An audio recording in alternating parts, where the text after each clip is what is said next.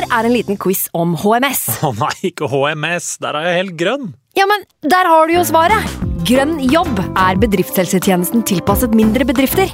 Våre HMS-eksperter hjelper mer enn 8000 bedrifter over hele Norge med alt fra lovpålagte HMS-krav til pålegg fra Arbeidstilsynet. Få på plass bedriftshelsetjeneste på grønnjobb.no.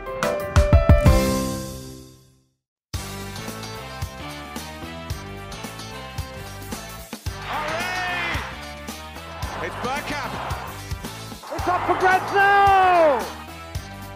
The next station is Arsenal. Hei og velkommen skal du være til en splitter ny episode med Arsenal Station med Magnus Johansen og Simen Goffeng. Takk for at du lytter. Håper alt er bare bra. Jula nærmer seg jo med stormskritt, og med det er det også eksamenstid for alle uferdige studenter der ute. Etter å ha levert en svak treer på Old Trafford, fulgte Artetas menn opp med sesongens klareste stryk da et Everton nede for telling ble gitt nytt liv mandag kveld. Og Vi har jo ikke poddet siden før United-kampen, Magnus. eh, Og det var jo ikke null poeng og flaue forestillinger vi hadde trodd vi skulle prate om i dag. Nei, jeg trodde jeg ikke skulle male i dag. Eh, Jeg føler liksom at svartmalingskosten må frem, eh, og det er litt eh, rart. På fire-fem dager at liksom Mm. eh, hele situasjonen skal snus så brutalt på huet. Eh, men eh, her er vi nå, og vi får prøve å gripe fatt i det eh, uten å miste hodet, munn og mæle. Altså, i, hadde vi spilt inn etter kampen i går, så hadde det her blitt eh, et nivå som ikke er noen verdig. Som sånn. alltid så er det en god vurdering å vente til dagen eh, derpå. Eh, Eller ikke alltid. Det er klart, hadde dette gått eh, helt opp til himmelen, så kunne vi jo selvfølgelig ha unna oss en liten pod på direkten. Det har vi jo hatt suksess med noen ganger. Men eh, i går så var jeg ganske langt nede. Eh, Kanskje så langt nede som jeg har vært denne sesongen her. Det var en begredelig forestilling på egentlig alle måter. Og vi fortjente jo ikke bedre enn det vi fikk heller. Så vi har mye å ta for oss der. Eh, Jeg vet ikke om vi skal eh, hive oss rett i gang, eller om det er, eh, er sånn at jeg burde høre om åssen det går med kjellerstua di før vi starter å prate om kampen. Kjellerstua mi er helt intakt, for at, eh, nå er jo strømprisa så jævlig høye. Så vi vurderte det dit hen at uh, i, dag, uh, i går så skulle Brumlebass få lov til å sitte oppe og se fotball. I stua. Mulig at noen angra på det etter hvert. Ja, det stemmer det. Eh, det var jo sånn eh, advarsel om at strømprisene skulle være ekstra høye i går kveld. Da. Eh, Ah, ja. Så jeg tenkte ja ja, da dropper vi dusjen og, og vi dropper den derre fotballseansen i, i kjellerstua. For jeg skal jo til England ikke sant, og bruke penger. Ja, du Trodde det fortsatt i går, altså? Nei, jeg hadde en, li, en lite, et lite håp. Så at, eh, da ble det, ble det litt uh, surmuling her, også, Men eh, det er jo det er jo en trist eh, Det har vært noen triste timer nå, Simen. Virkelig. Eh, vi har jo vært, hatt dialog eh, daglig om den englandsturen, og vi har Mm. sjekka reiseråd og sikkert boosta klikktalla på sånne type English government-nettsider og sånt. Og så, heldigvis er du den fornuftige av oss da, som sa at Ja, vet du, vi Nå tror jeg vi skal avlyse det her. Eh, og det er ja du, har jo, sånn. du har jo etterlyst at noen bare tar den avgjørelsen for deg. Og når ikke eh, regjeringen gjør det, så, så må sykepleierne i poden ta ansvar og være sitt ansvar bevisst. Hvis jeg skal kunne gå med på jobb og se kollegaene mine i øynene, så kan ikke jeg drive og ture rundt i England på pub i seks dager og dra med meg masse engelsk omikron hjem til Norge igjen. Nei da, det er jo ikke så enkelt. Og vi har jo, vi har jo tenkt at eh, London på sett og vis er et tryggere sted å oppholde seg enn Oslo, hvor jeg driver og jobber. da. Så um, det er ikke bare enkelt å si at dette her ikke blir noe av. Men, men det er klart det er såpass nærme inn mot jul, og det er mange fallgruver å, ramle ned i potensielt. Så det er ekstremt trist, men jeg tror vi har uh, fatta den fornuftige avgjørelsen. Så vi får eh, håpe at vi har eh, noe å se fram til utpå våren, når eh, ting forhåpentligvis har roet seg litt ned igjen. og Arsenal forhåpentligvis er i en eller annen spennende fight om en europacupplass. Så får vi jo definitivt ta det igjen da. Jeg er spent på hvor mange norske Gunners som reiser over den helga her, og får med seg Southampton og Western-kampen. For vi visste jo at det var mange som, som hadde planer. Til alle som hører på podden og eventuelt fortsatt uh, har planer om å reise over, så håper vi jo selvfølgelig at det blir en så bra opplevelse som mulig. Og... Bare ikke legge ut så mye bilder og sånt. Nei, vi skal ikke se noe om hvor artig folk er. Ai, ai, ai. Nei, men uh, nå er det en gang sånn at vi, vi, har folk å ta hensyn til rundt oss òg, Magnus. Og da, da, må man prøve å veie opp eh, fordeler og ulemper opp mot hverandre. Og da, da landa vi dit uh, denne gangen.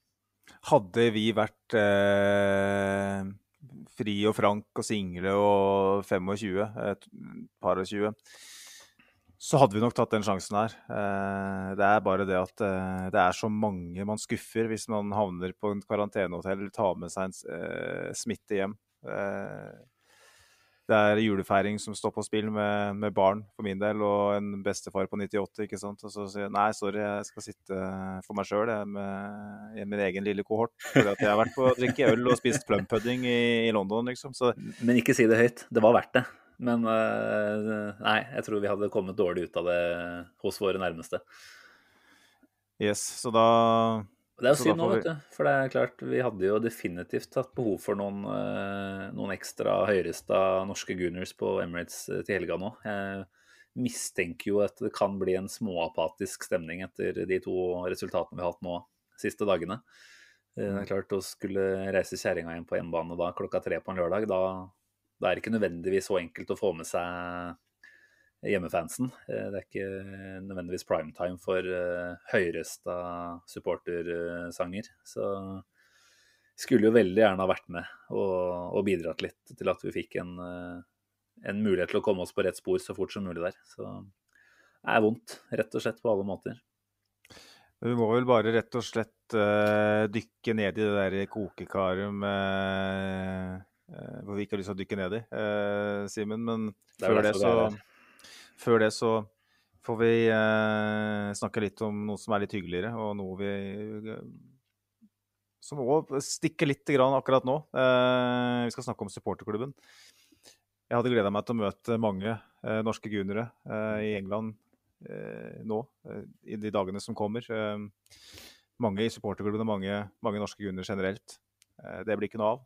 Men vi har jo da et samarbeid gående med, med supporterklubben, Simen. og det, det, står ikke i fare. Eh, det kan eh, Støre og Kjerkol og hele gjengen drite i. Det blir ikke noen tiltak som eh, sørger for at det forsvinner. Vi skal fortsette å, å ha, ha, et godt og tett samarbeid med dem. Tettere og bedre skal det vel også kanskje til og med bli? Vi hadde jo håpet at denne turen her skulle bidra mm. til det, da.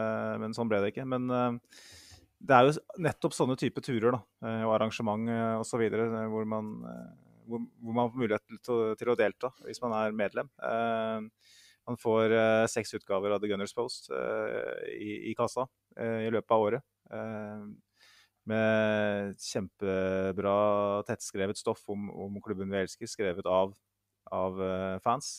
Og i tillegg så får vi rabatter på supporterutstyr, Um, var det noe jeg glemte å nevne da, Simen? Jeg, jeg, jeg bare husker at jeg kom til skade forrige episode å si feil uh, adresse på denne supporterutstyrleverandøren. Uh, det er jo da fotballbutikk.no, ikke fotballdrakt.no, som jeg klarte å si forrige gang.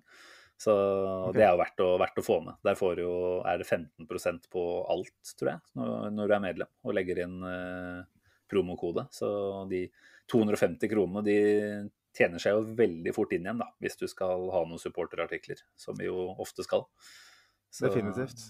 Nei da, det er veldig mange gode grunner. og Nå har vi jo, har vi jo nevnt dette samarbeidet i mange episoder, og det kommer vi jo for så vidt til å fortsette å gjøre. For det, det er noe vi er veldig stolte av og syns det er morsomt. Uh, så hvis du er en av de lytterne som fortsatt ikke har uh, kommet deg helt i gang og meldt deg inn i supporterklubben, så er det bare å gå inn på gunners.no finne fanen og putte inn eh, navn og adresse, så er du plutselig et eh, offisielt Arsenal eh, Norge-medlem, du også. Mm.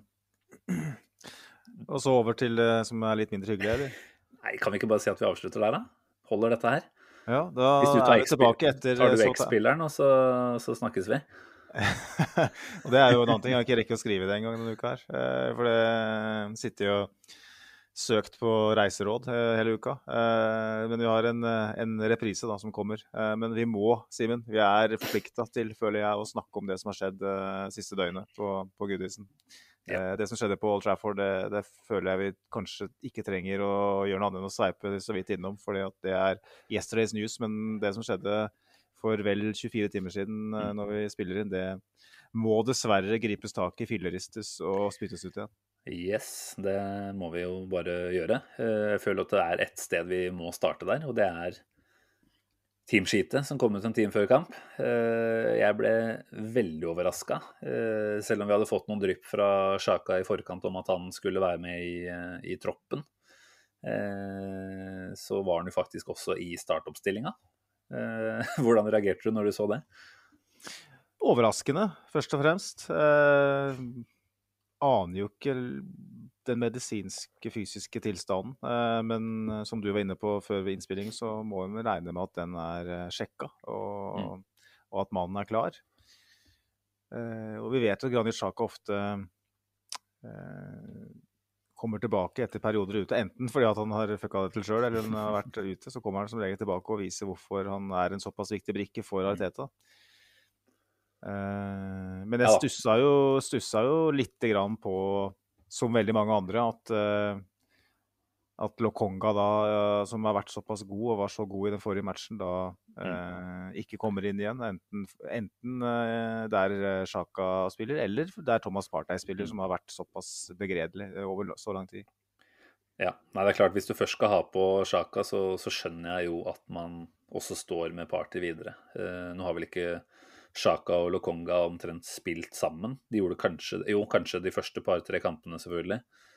Eh, men utover det så vet man jo at denne relasjonen Party og Sjaka etter hvert har opparbeida seg, eh, ofte har vært eh, noe vi har lent oss på. da, Og en Party som nå har vært totalt blotta for både form og selvtillit eh, i en lengre periode.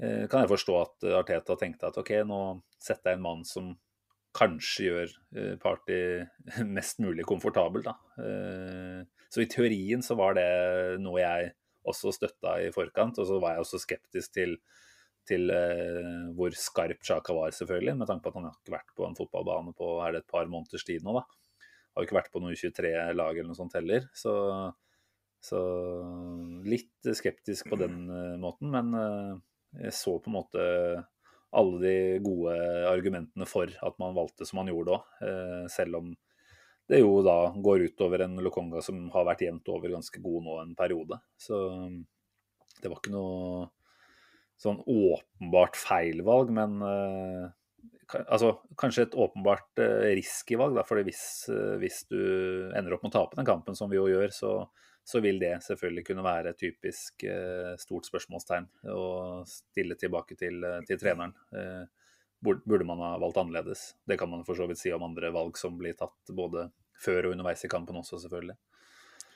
Ja, for ellers så var det, det var Tierney inn igjen, da, for, um, Støttes Tavares. 100 derfra i hvert fall.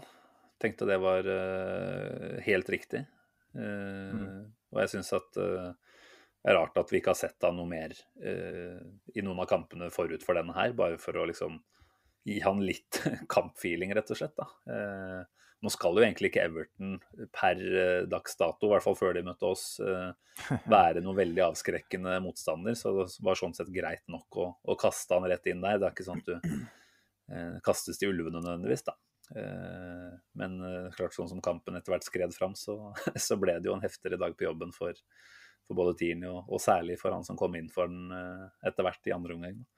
Men jeg syns, eh, syns det valget er ålreit. Eh, syns ikke Tini viste noe særlig prov på å være noe særlig satt tilbake. Selvfølgelig litt uh, ukomfortabel på ball i noen tilfeller, men fysisk så opplevde jeg at han var omtrent der han skulle være.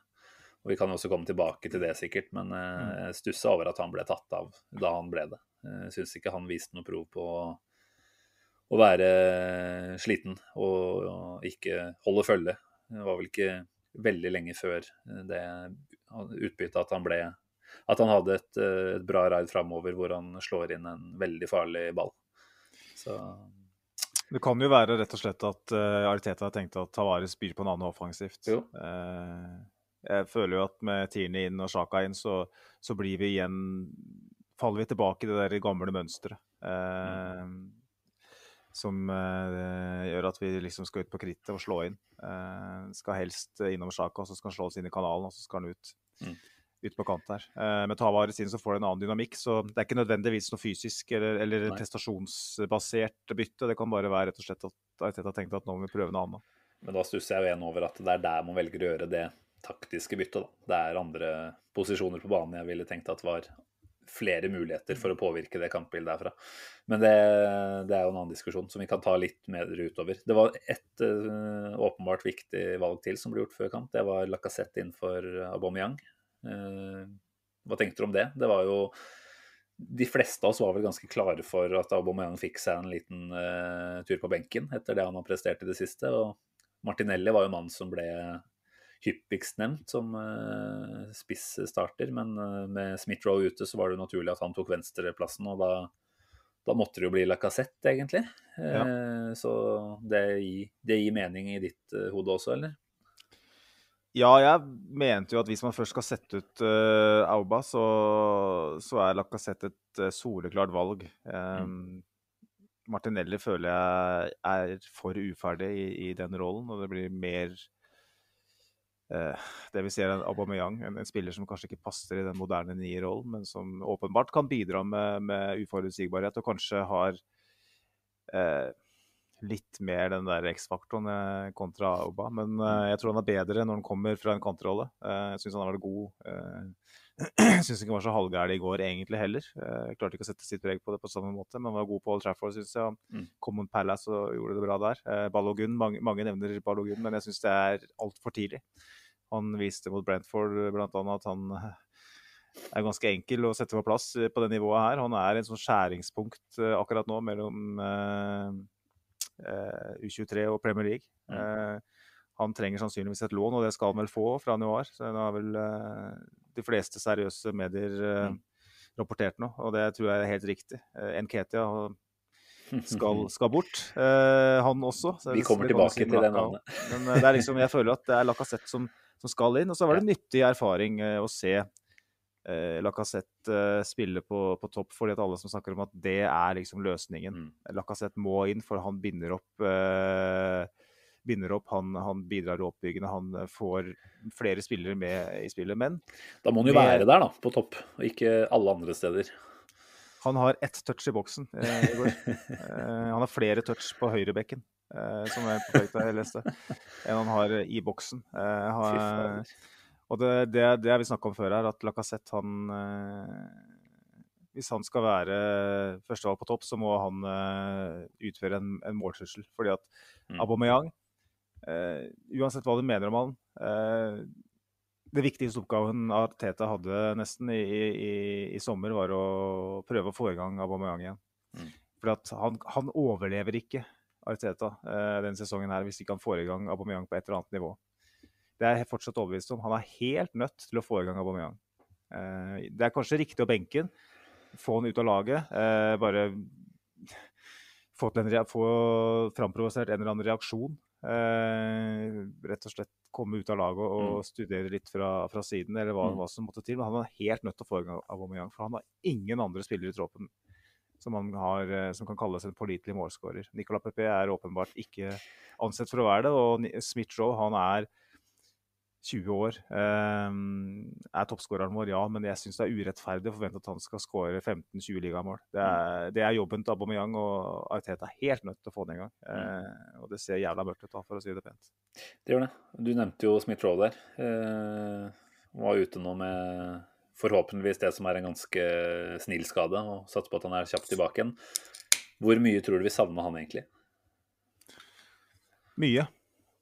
Farlig mye. Jeg, jeg, tenker jo at det er ganske bekymringsfullt. Da. At uh, allerede nå så, så, ser vi at vi er uh, såpass avhengige av han. Da. Altså, han uh, er en joker i mange deler av det offensive spillet vårt og gjør det i hvert fall mange hakk mindre forutsigbart enn det vi holdt på med i går. Det var han som unlocka dette her for et år, års tid tilbake. og nå er han ute, og da er det kanskje ikke tilfeldig at vi får se den mest impotente Arsenal-omgangen, i hvert fall denne sesongen, men kanskje på enda lengre tid også. Det, for det den første omgangen her vi holdt på med her, det er Jeg syns jo nesten det er en sackable offence å ikke klare å få et lag til å prestere på et annet nivå uh, enn det vi gjør mot Everton, som er der for the taking. Da. Et Everton som da har gått på en rekke med syv kamper uten, uh, uten seier. Har vel tapt fem eller seks av de, tror jeg. Mm. Supporterne er eh, imot, vender seg imot klubben og har planlagt å tusle ut fra stadion etter 27. minutt. Det var ikke mange som endte opp med å gjøre det, for de var relativt fornøyd med det de hadde sett, virka det som. Ja. Eh, Arsenal eh, ga de en mulighet til å spille på seg selvtillit, og den tok de. Og jeg fatter ikke at vi, at vi hadde den inngangen til kampen. Altså igjen, da, det er mye ball. Det, vi får lov til å kjøre hesteskofotball eh, egentlig hele første omgang, eh, men har jo ingenting å komme med da, før eh, Ødegårds eh, skåring, selvfølgelig. Eh, og Everton har vel ikke altfor mye, de heller, men eh, er jo helt klart det farligste laget og har et tenningsnivå som egentlig bare tiltar i styrke utover i omgangen. og igjen, jeg føler at vi gir de, vi gir de næring som de ikke hadde trengt å, å få. da. Helt, helt riktig. Det, her er, det er helt unødvendig å gi dem den lillefingeren som vi gjør. Og det er det samme som på Old Trafford. Uh, vi, vi, spiller ikke mot den elveren uh, Everton eller United setter ut. Vi spiller på en måte mot logoen til Manchester United. Vi spiller mm. mot Goodison Park, som uh, fråder i munnvikene. Åpenbart fordi at den klubben trenger en opptur. Den har akkurat tapt blitt fillerista av Liverpool på hjemme, ikke sant? Eh, at de kom til å komme ut med en attitude og en innstilling, det visste vi. Det skjønte vi. Men de har gjort det tidligere òg. De gjorde det mot Liverpool. De var ikke, de var ikke i stand til det. for at de har de, de, de, stokker seg for dem på hjemmebane. De, har, de vant bare seks kamper på Goodison hele fjorårssesongen. Mm. Har et hjemmebanekompleks, for å si det enkelt. De har i, snutt, i snitt på de siste sju kampene på Goodison så har de 1,8 XG imot. Det er ganske heftige tall. Vi klarte da selvfølgelig å gjøre det halvparten, på 0,9. Uh, uh, uten å gå noe mer detalj på det nå. Så det er liksom det derre Arsenal kommer ut i en kamp hvor hele bordet er dekka. Det er kjøttkaker, gulrøtter, poteter, det er soppstuing i hele pakka. Og vi klarer faen meg ikke å sette tenna i det. Vi, det, det. Jeg har sett det så mange ganger med Arsenal, og det, det er ikke et Arteta-Arsenal-problem. Det er mm det er en kulturendring som han snakka om. Han har vært mm. her i to år nå. Ikke sant? Og han har så mye tid på treningsfeltet denne sesongen her eh, til å ikke, altså Vi skal snakke mer om spillemønstre osv., men med å få spilleren til å tro eh, og Få spilleren til å gå ut her og ha en veldig klar plan på hvordan man skal takle en motstander. Og så er det rett og slett eh, en gjeng som har altfor stor respekt for for en motstander, helt uten grunn. Mm. Det er igjen tilbake til en ukultur som har vært i Arsenal i så mange år. En, en, en, eh, en klubb som har, en, spillergruppe som har ryggrad som en ål. Det vil si, har ikke ryggrad. eh, og det er trist å erkjenne, eh, syns jeg, da, etter at vi har snakka opp den spillergruppa her ganske mye i mm. høst. Fordi at vi har henta en del unge spillere som virker å ha nettopp det vi ønsker eh, når det gjelder personlighet. Men det er ikke nok. Eh, de vil åpenbart eh, kollapse hvis de erfarne spillerne gjør det, og hvis mm. manageren ikke klarer å få dem til å tro. Og ikke kom og fortell meg at den spillergruppa gikk på Goodison i går, men tro på at de kom til å vinne den kampen. Det er helt åpenbart at de ikke gjorde det. Nei, jeg syns det er Det er rett og slett helt umulig for meg å si hvorfor man ikke klarer å komme med en annen innstilling til dette. da. Eh, for jeg tenker at Everton de var jo selvfølgelig ut av startblokken og var uh, tente, men de var jo ikke sånn at de hadde så mye kvalitet å komme, de heller. Så vi har ingen grunn til å frykte noe av det de holder på med egentlig uh, i første omgangen. Og allikevel så, så er vi jo igjen da, feige framover, uh, anført av et par av de største navna, Party igjen, som ikke våger noen verdens ting. Eh, Lacassette, som, som, du er inne på, ikke er i nærheten av å være der han bør være for å kunne omsette sjanser. er med i det oppbyggende spillet. Martin Ødegaard er vel det store lyspunktet, egentlig både i første omgang og kampen sett under ett, fra vår side. Så det, det, Den som kanskje ofte er mest forsiktig av alle, er han som framstår som eh, den, den, som har grepet sjansen best. Da. Jeg vet ikke om det sier mest om han eller om resten av, eh, av laget i går. Nei, det er vel egentlig vanskelig å svare på. Det sier vel litt om begge deler. Jeg har ikke lyst til å ta noe bort fra Ødegaard sin prestasjon, for jeg syns han eh, under, under de rådende forhold gjør en kjempekamp. Eh, spesielt den første gangen syns jeg var vanvittig bra fra Ødegaard, og det, det, skal vi ta med oss, Eh, for det, det, trenger vi. Uh, mm. Men vi kan jo se litt nærmere på de andre. Eh, Lacassette har vi nevnt. Bukayo Saka syns jeg hadde en dårlig kamp. hadde jo en vanvittig bra match mot, mot Newcastle. Blir skada der. går ut. Og man tenker at liksom, eh, er han kjørt nå? Har det blitt for mye? Uh, men, blir jo eh, sparka ned x antall ganger gjennom kampen nå, da. Så det er klart at det vil jo sette sitt preg på hvordan han, han opptrer. Uh, han fikk jo kjørt seg godt av han Ben Godfrey et par ganger. Var redd ja, ja. for at kneet røyk skikkelig der i starten av første gangen òg. Så det er klart, arbeidsforholdene hans er heller ikke helt enkle, og han blir jo ikke satt opp i de mest åpenbare Eh, posisjonene i forhold til å utfordre Beck. da. Eh, gjør det et par ganger og kommer jo til lett godt innlegg utover i andre gang mot eh, Nketia der. Men ellers så syns jeg jo ikke nødvendigvis laget som helhet igjen er flinke nok til å sette opp Saka i de posisjonene han er farligst. da. Han må liksom være med såpass langt tilbake ned på banen at han ikke Han kommer seg ikke opp dit han er, er på sitt beste. Men Saka, altså Saka på en optimal dag, det er jo den ene spilleren vi har som kan ta tak i en fotballkamp. Uh, eh, Syns jeg, da. Uh, den som virkelig kan dra opp tempo, som kan uh, dra av et par, par mann og, og, finne på noe. Jeg syns vi har sett tendenser til det flere ganger. Det er, mm. Det er kanskje det som gjør at Saka skiller seg ut uh, blant de unge spillerne våre òg. I manges øyne er at han, han, han har en evne til å bare ta tak i en fotballkamp. nesten uansett arbeidsforhold. Eh, vi så det mot Newcastle, eh, syns jeg. Det var han som var katalysatoren da. Eh, og det er jo igjen mm. hjemme mot Newcastle, som ikke har vunnet en fotballkamp på det tidspunktet. hvor mye skal lese ut av det? Men det er, en, det er en veldig ung spiller her. og jeg, vi forventer jævlig mye av Saka, og det er urettferdig, men det er jo fordi at han har vært så god. Eh, så da forventningsnivået ligger der det ligger. Eh, og da blir man faktisk skuffa sjøl når de kan prestere. Altså. Sånn er det bare. Ja, og så blir vi jo skuffa totalt sett fordi ingen andre presterer når han heller ikke har en maksdag. Da. Det er jo der hovedproblemet igjen ligger, og det er ikke noe å legge skjul på det. Arteta har vært tydelig på det selv, at de eldre, erfarne spillerne må ta mer ansvar og gå foran. Eh, sa han vel etter United-kampen. Eh, Det er jo ikke noe tvil om hvor han sikta til først og fremst da. Det, det er Party, det er Aubameyang eh, etter den kampen. Eh, jeg må bare si at Party der, der lurer jeg på hva som har skjedd, altså.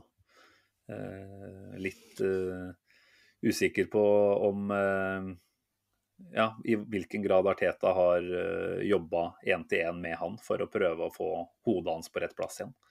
Jeg tenker at Arteta som gammel midtbanemaestro selv burde kunne ha noen eh, knapper å trykke på oppi topplokket hos eh, Partey. Men uh, du var jo litt inne på det før kamp. er Arteta nødvendigvis en mann som klarer å håndtere disse store navnene, disse største stjernene, med de kanskje største egoene? Det er ikke nødvendigvis at, at Partey er det store ego, men han er i hvert fall et stort navn. og og ja, du kan jo si litt om det selv, men det er jo bare én av mange som ikke har uh, tatt de stegene vi skulle ønske under Arteta når det kommer til de største stjernene. Ja, nei, det er riktig det. Det blir jo en, etter hvert en litt uh, stygg rekke. Uh, først Mesut Özil, og nå hører jeg lytterne, enkelte lyttere løfter opp gjenstander og kaster rundt seg, fordi at det kanskje ikke er rettferdig. men jeg mener at at uh, i konteksten så er det kanskje riktig å nevne det. Det var en spiller han valgte å ikke jobbe med, selv på et tidspunkt hvor vi hadde et kjempebehov for en offensiv midtbanespiller. Mm. Uh, vi hadde William, som han sjøl henta. Da har vi nevnt William i dag òg. Uh, eh, en helt begredelig Arsenal-karriere, men jeg nekter å tro at han var så dårlig som han viste i Arsenal-trøya. Det tror vi vet alle at han ikke er, eller var. Men Ariteta klarte ikke å få noe som helst ut av William i det hele tatt. Han, Aubameyang har, utenom det første, første halvåret, har falt utafor et stup. Vi snakka om det i forrige podkast med tanke på omsetningsraten hans osv., som har stupt. Mm. Eh, til tross for at han virker og fysisk sett å være ganske bra. Eh, Nicolas Pepe hadde et halvår hvor det funka, eller så har det vært en spiller han har valgt sjøl å ikke bruke. Eh, jeg tror kanskje at Peppe ikke er en enkel fyr å ha med å gjøre, med tanke på å få han til å prestere uke til uke. Eh, både Jungberg, Emry og nå Teta har satt den ut og hatt eh, diverse bemerkninger. Mm. Men allikevel er det enda en spiller. Jeg vet ikke om jeg har glemt å nevne noe nå, men det er ganske mange. Det er de største navnene som han har jobba med. Alle virker å ta steg tilbake, eller så stagnerer dem.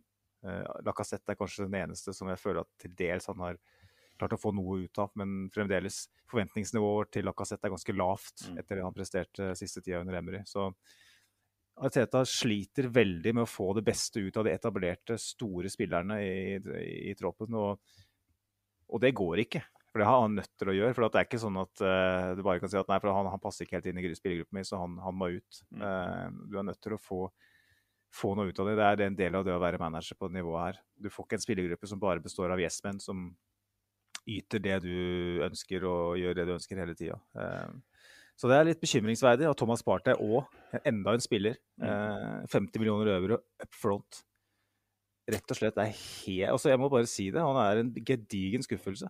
Mm. Eh, det har han vært. Eh, og det er eh, en reell bekymring for at vi har wasta en halv milliard igjen. Ja, og det er klart at med den prislappen så, så gjør man jo alt man kan for å få han i gang òg, sånn som denne kampen ble et eksempel på. ikke sant? Altså, hvis du bare skulle sett på form, isolert sett spiller for spiller, så er det ikke noen tvil om at Zambi skulle starta denne kampen foran Partey. Altså, vi, vi henta han vel som en slags Partey-erstatter. En som kunne komme inn som en backup. Kanskje også det var tiltenkt en Afrikamesterskap-rolle der allerede, ikke sant. Ehm, og sånn som Party har spilt nå, så har jo ikke han egentlig gjort noe for å fortjene den plassen. Ehm, men at eh, Navnet, eh, prislappen, eh, rett og slett statusen hans i troppen gjør at man nesten ikke kan komme utenom å forsøke å få han i gang. Da. Fordi vi vet jo at taket hans er, det er skyhøyt. Selv om vi ikke har sett det så veldig veldig ofte nå i Arsenal-drakt. Men, men, det er et kjempeproblem. Og jeg er, jeg er Vi er ikke noe i tvil om at Arteta klarer å presse på de unge spillerne på mye positive måter. Det virker som han jobber bra med de, men enten så når han ikke gjennom, eller så bruker han ikke like mye tid på de eldre spillerne. Kanskje han tenker at dette er karer som i utgangspunktet må være mer selvgående, som ikke bør ha like stort behov for eh, oppfølging, hvis du kan kalle det det. da. Men, eh, mm. men i den, posisjon, eller den uh, situasjonen partiet nå da, særlig er i, så tenker jeg at han trenger han trenger én-til-én-oppfølging. Han trenger å få litt uh, Kall det eh, Arteta-psykologisk hjelp uh, for å komme på rett spor igjen. Det er, det er, Arteta rett og slett avhengig av for å, for å få det laget her til å, å blende bedre sammen. Altså. Det er jo mm. det Partei skal være. Han skal være et slags bindeledd mellom ja, egentlig fra forsvaret opp til angrep, ideelt sett. da. men jeg føler også at han han har ikke klart å finne helt ut av hva slags rolle han ønsker at Partei skal spille. Eh, noen ganger så har det vært alle mulige midtbaneroller i, i samme kamp, og andre ganger så blir en uh, defensiv, andre ganger er det mer indreløperrolle. Uh, jeg vet ikke om Partei helt har blitt, blitt klok på hva han, uh, hva han, er bedt om å gjøre. Syns jo igjen vi ser prov på en del usikkerhet hos han også mot Everton, når han nok en gang, da. Eh, jeg la merke til det mot, eh, mot uh, både United og mot Newcastle til tider òg, at han går en del i pasningsskygge. Og det gjør han igjen mm. mot Everton. Ben White og han hadde en liten sekvens i første gang der hvor han gjør det to ganger på rad, og White bare peker og sier du må jo gå til sida for å være spillbar. og det virker ikke som om han er komfortabel i det hele tatt. Da, og at han rett og slett nesten gjemmer seg litt bort. Eh, så kan man selvfølgelig si at han ikke er helt bortgjemt, med tanke på at han slår vel over 70 pasninger i denne kampen her, og har jo for så vidt en ganske bra treffprosent på dem, men da tyder vel også mye der på at det er de enkle eh, sideveispasningene han, eh, han, slår flest av, da. Ja, det, det, er det nok. Og han mister jo ballen flest ganger av alle. Han har fire ganger vel i løpet av, av matchen. Og mm. jeg syns jeg syns han, får kanskje for mye frihet òg. Han er jo vant til å spille i Atletico Madrid, hvor det er veldig satt, satte roller. Mm. og Han virker bare mer og mer usikker på, på rollen sin, rett og slett. Og eh, i, i, de første kampene, når han var skadefri og sånn, så feilvendt så hadde han alltid en plan og mottok ball. Eh, hadde ofte gode flikker, eh, var orientert. ikke sant? Nå føler han er dårlig orientert. Han slår, mm. gjør umotiverte feil. og det er liksom spiller som bare virker å være helt lost i, i den eh, elveren her. Og eh, sånn generelt midtbanemessig så, så, er det kanskje ikke så lett heller når det byttes så mye fra uke til uke. Vi fikk Nei. et uh, innspill fra en jeg kjenner godt, uh, Amund Holmen, uh, på, på, Facebook. han skrev han spør jo hvorfor Sjaka var inn igjen da, plutselig. Lokonga har levert bra. Maitland Niles har levert eh, det samme til tider. Og El Neni brukbar mm. mot United. Det er ingen midtbane som er satt, og relasjoner som ble brukt over tid. Og det er jo det det handler litt om, ikke sant. At, um, og det er kanskje det Ariteta prøver på, da, å få, få tilbake drømmeparet sitt til Party og Sjaka. Men nå er det jo sånn at Party forsvinner jo om mm. noen uker til Afrikamesterskapet. Er det, hadde kanskje vært smartere å prøve å kjøre Sjaka Lokonga nå, eh, med tanke på at Party såpass, er såpass ute av det og skal være borte i en måned. Kanskje er det greit å, å prøve å få Party og Lokonga, nei, Sjaka Lokonga til å eh, skape en dynamikk. Hva tenker du? Jo, jeg satt og tenkte på det, så det er fint at du kom med spørsmål i forkant der. Jeg tenker absolutt at vi må, vi må planlegge litt for det. Eh, så kommer kampene såpass tett nå de neste ukene at eh, jeg tror vi må klare å gjøre begge deler. Vi må både fase inn eh, Lokonga, sånn at han blir bedre og bedre kjent med Chaka til de ja, halvannen månedene eh, partiet er borte. da. Eh, samtidig så, så, vil ikke han kunne spille alle kamper heller, men særlig i de hjemmekampene hvor vi skal ha mer kontroll og sannsynligvis ikke møter like intensive motstandere som vi ofte kan gjøre på bortebane. Da. Så så tenker jeg at Lokonga bør kunne få lov til å spille. Han viste jo pro mot Newcastle på at han hadde mye å bidra med i det offensive spillet også. Eh, så jeg tenker absolutt at han kan være en, eh, en riktig mann å sette inn allerede nå mot Southampton. Eh, og igjen da kan man jo stille spørsmål hva gjør det med en allerede brokete selvtillit hos, hos Partei å bli satt på benk igjen der. Men mm. det er rett og slett sånn at uakseptabelt dårlige opptredener må få noen konsekvenser. Da. Og da tenker jeg at uh, man kan uh, selvfølgelig argumentere for at det er en straff, men det er vel så mye en uh, anerkjennelse av at Lokonga også har gjort mye bra denne sesongen her, og at han fortjener flere muligheter. Særlig når de som da konkurrerer om samme plasser, ikke, ikke gjør det bedre enn det de gjør. Så absolutt fan av å gi Lokonga mer, mer spilletid. og så kan vi selvfølgelig diskutere om vi ønsker at det er Sjaka han skal eh, pares opp med, men uh, nå tyder jo alt selvfølgelig på at uh, Arteta har Chaka som sin foretrukne go-to-mann på midten. Det er nok første mann opp på midtbanekartet hans, og da, da, må vi nesten bare ta og forholde oss til det. Og så får vi finne litt ut av hvordan den konstellasjonen blir best, da. Mm.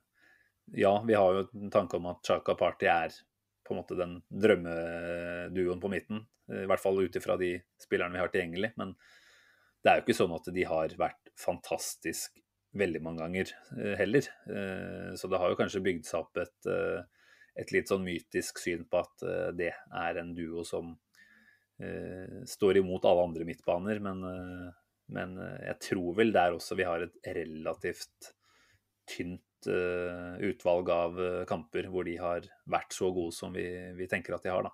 Mm. Som jo Enig. ofte kan bli en uh, Det blir jo fort sånn hvis den ene er ute, og så er den andre ute, og så går man bare og drømmer om at alt er så bra når de er sammen. Altså, fikk i hvert fall se i går at så ikke nødvendigvis er tilfellet. Nei, det blir som drømmen om Joel, Joel Campbell. Han som aldri fikk sjansen. Eh, som alltid var ute på lån og pga. arbeidstillatelse osv. Han skulle, og Wellington Silva osv. Det er liksom spillere som man ikke ser. Eh, og, venner, og spillere som er skada for den saks skyld, eh, får ofte av en eller annen grunn eh, et ufortjent, eh, en ufortjent høy stjerne. Og at sjakka kommer tilbake nå, det løser, det løser, absolutt ikke alt, men åpenbart viktig eh, med tanke på det som skjer i, januar. Da. Men eh, vi har jo fått en del eh, lytterinn... Vi har fått veldig mange lytterinnspill, faktisk. Det er mm. typisk det at når vi taper, da er folk ivrige, og det, jeg forstår det. Jeg er sånn sjøl. Twitter-kontoen min kan du se hvis du går inn der, så ser du hvorfor jeg blir ansett for å være negativ. For at jeg har en tendens til å skrive mest når vi taper. Når vi vinner, så sitter jeg bare og koser meg med høydepunkter og drikker øl. Um, skal vi se her uh, hvor, skal vi, hvor, skal vi, angripe der, Simen? Er du på Twitter? Er du på Facebook? Det har jo kommet litt her og der. Det er så mye. Det er på Twitter nå, altså. Eh, det, er, det, er, jo som du sier, da. Altså, det er jo mange innspill. Det er jo klart at uh, vi kunne jo for så vidt ha eh, lista opp alle innspillene, for det er jo mye, mye ja, gode tanker. Men uh, kanskje ikke så mye å diskutere rundt ulike innspill. Men det er vel heller spørsmålene vi kanskje er uh, mest ute etter sånn sett. Jeg ser Morten Dalhaug stiller jo 100 millioner-spørsmålet hva er den offensive planen? Eh, vi har 18 mål i ligaen på 15 kamper. Det er der det store spørs spørsmålet og problemet ligger. Eh, og igjen, hadde vi kunnet svart på det, Magnus, så hadde vi jo kanskje fort hatt en eh, betalt fotballjobb. Men, men, tenker du at det ligger på, for å si det litt enkelt, ligger det på de spillerne vi har til rådighet, eller ligger det på systemet som Arteta ønsker at vi skal spille etter, som jo åpenbart ikke er så veldig, veldig godt fungerende. Nei, jeg tenker det er, det er, først og fremst et systematisk problem. Selvfølgelig så, så vil, vil uh, Arteta kunne ta kvantesprang hvis han får inn akkurat de spillerne han vil ha offensivt. Han har jo kun henta mm. inn Ødegaard, er det vel, eh, som kan regnes som en offensiv spiller. Mm. Uh, og William, selvfølgelig. Uh, Kom igjen, da. Fikk vi nevnt, nevnt en gang til. Uh, så Men det er noe med at systemet må tilpasses de spillerne man har, da. Og der tror jeg Teta har gått seg vill. Er for sta, eller kall det hva det vil. Han prøver å, å tvinge gjennom et system med en gjeng med spillere som ikke behersker det. Uh, og når man på en måte snubler over en formel som funker, eh, à la det man gjorde med Lacassette mot Crystal Palace, mm. som tok oss på en måte gjennom en ganske god rekke. Eh, den, den, form, den, den formelen funka over ganske lang tid. Så, så, er det liksom sånn at hva, hva, er planen her, liksom? Mista litt tråden her, merker jeg, men Nei, men det like vanskelig å, å, svare på, så jeg skjønner at du snakker deg litt bort der fort. Jeg gjorde det. Jeg snakka meg helt bort, da. Det er jo veldig bra. Men, uh, men det er liksom han, han, han har ikke han, han, snubler seg mer til ting. da, og sånn Med en gang på en, måte, en, en spiller da er ute da, av den formasjonen, og så med en gang på en måte skjønte at nå, nå er kanskje den løsningen i ferd med å svinne litt hen. Mm. Litt fordi at motstanderen tilpasser seg, litt fordi at at Lacassette kanskje ikke har kapasitet til å spille eh, så eh, psykopat jeg si, på banen i uke etter uke. Han var jo helt vill eh, utpå der. Eh, og han måtte gå av etter 58 minutter som regel, for da var han helt ferdig. Mm. Og, men det er liksom sånn at når han endelig finner en formel som funker, det var egentlig det jeg skulle, eh, skulle inn på, at da er det så avhengig, personavhengig, da, eller ja. spilleravhengig, at det, med en gang du tar ut ett lite ledd, så kollapser hele korthuset. Mm. Ja, ja, og da er det noe feil med systemet. Og, ja, fordi systemet forandrer seg jo. Det er jo igjen der uh, litt altså Jeg tenker det defensive, der har han et system. Han har en ønsket måte å spille seg ut bakfra på. Han har spillere som er fast i de fleste posisjoner uke etter uke. Får vi banke i bordet for at det fortsetter, i hvert fall. Ehm, men når det kommer til det som skjer på, egentlig fra midtbanen og oppover, så, så, virker det så veldig mye mer planløst og tilfeldig. Og, og, som mm. du sier, altså det er avhengig av enkeltpersoner som kommer inn med en ny giv, ny energi, type Lacassette, ikke sant. Og så brenner han litt ut utover uh, som kampene går, og så er på en måte den løsninga brukt opp.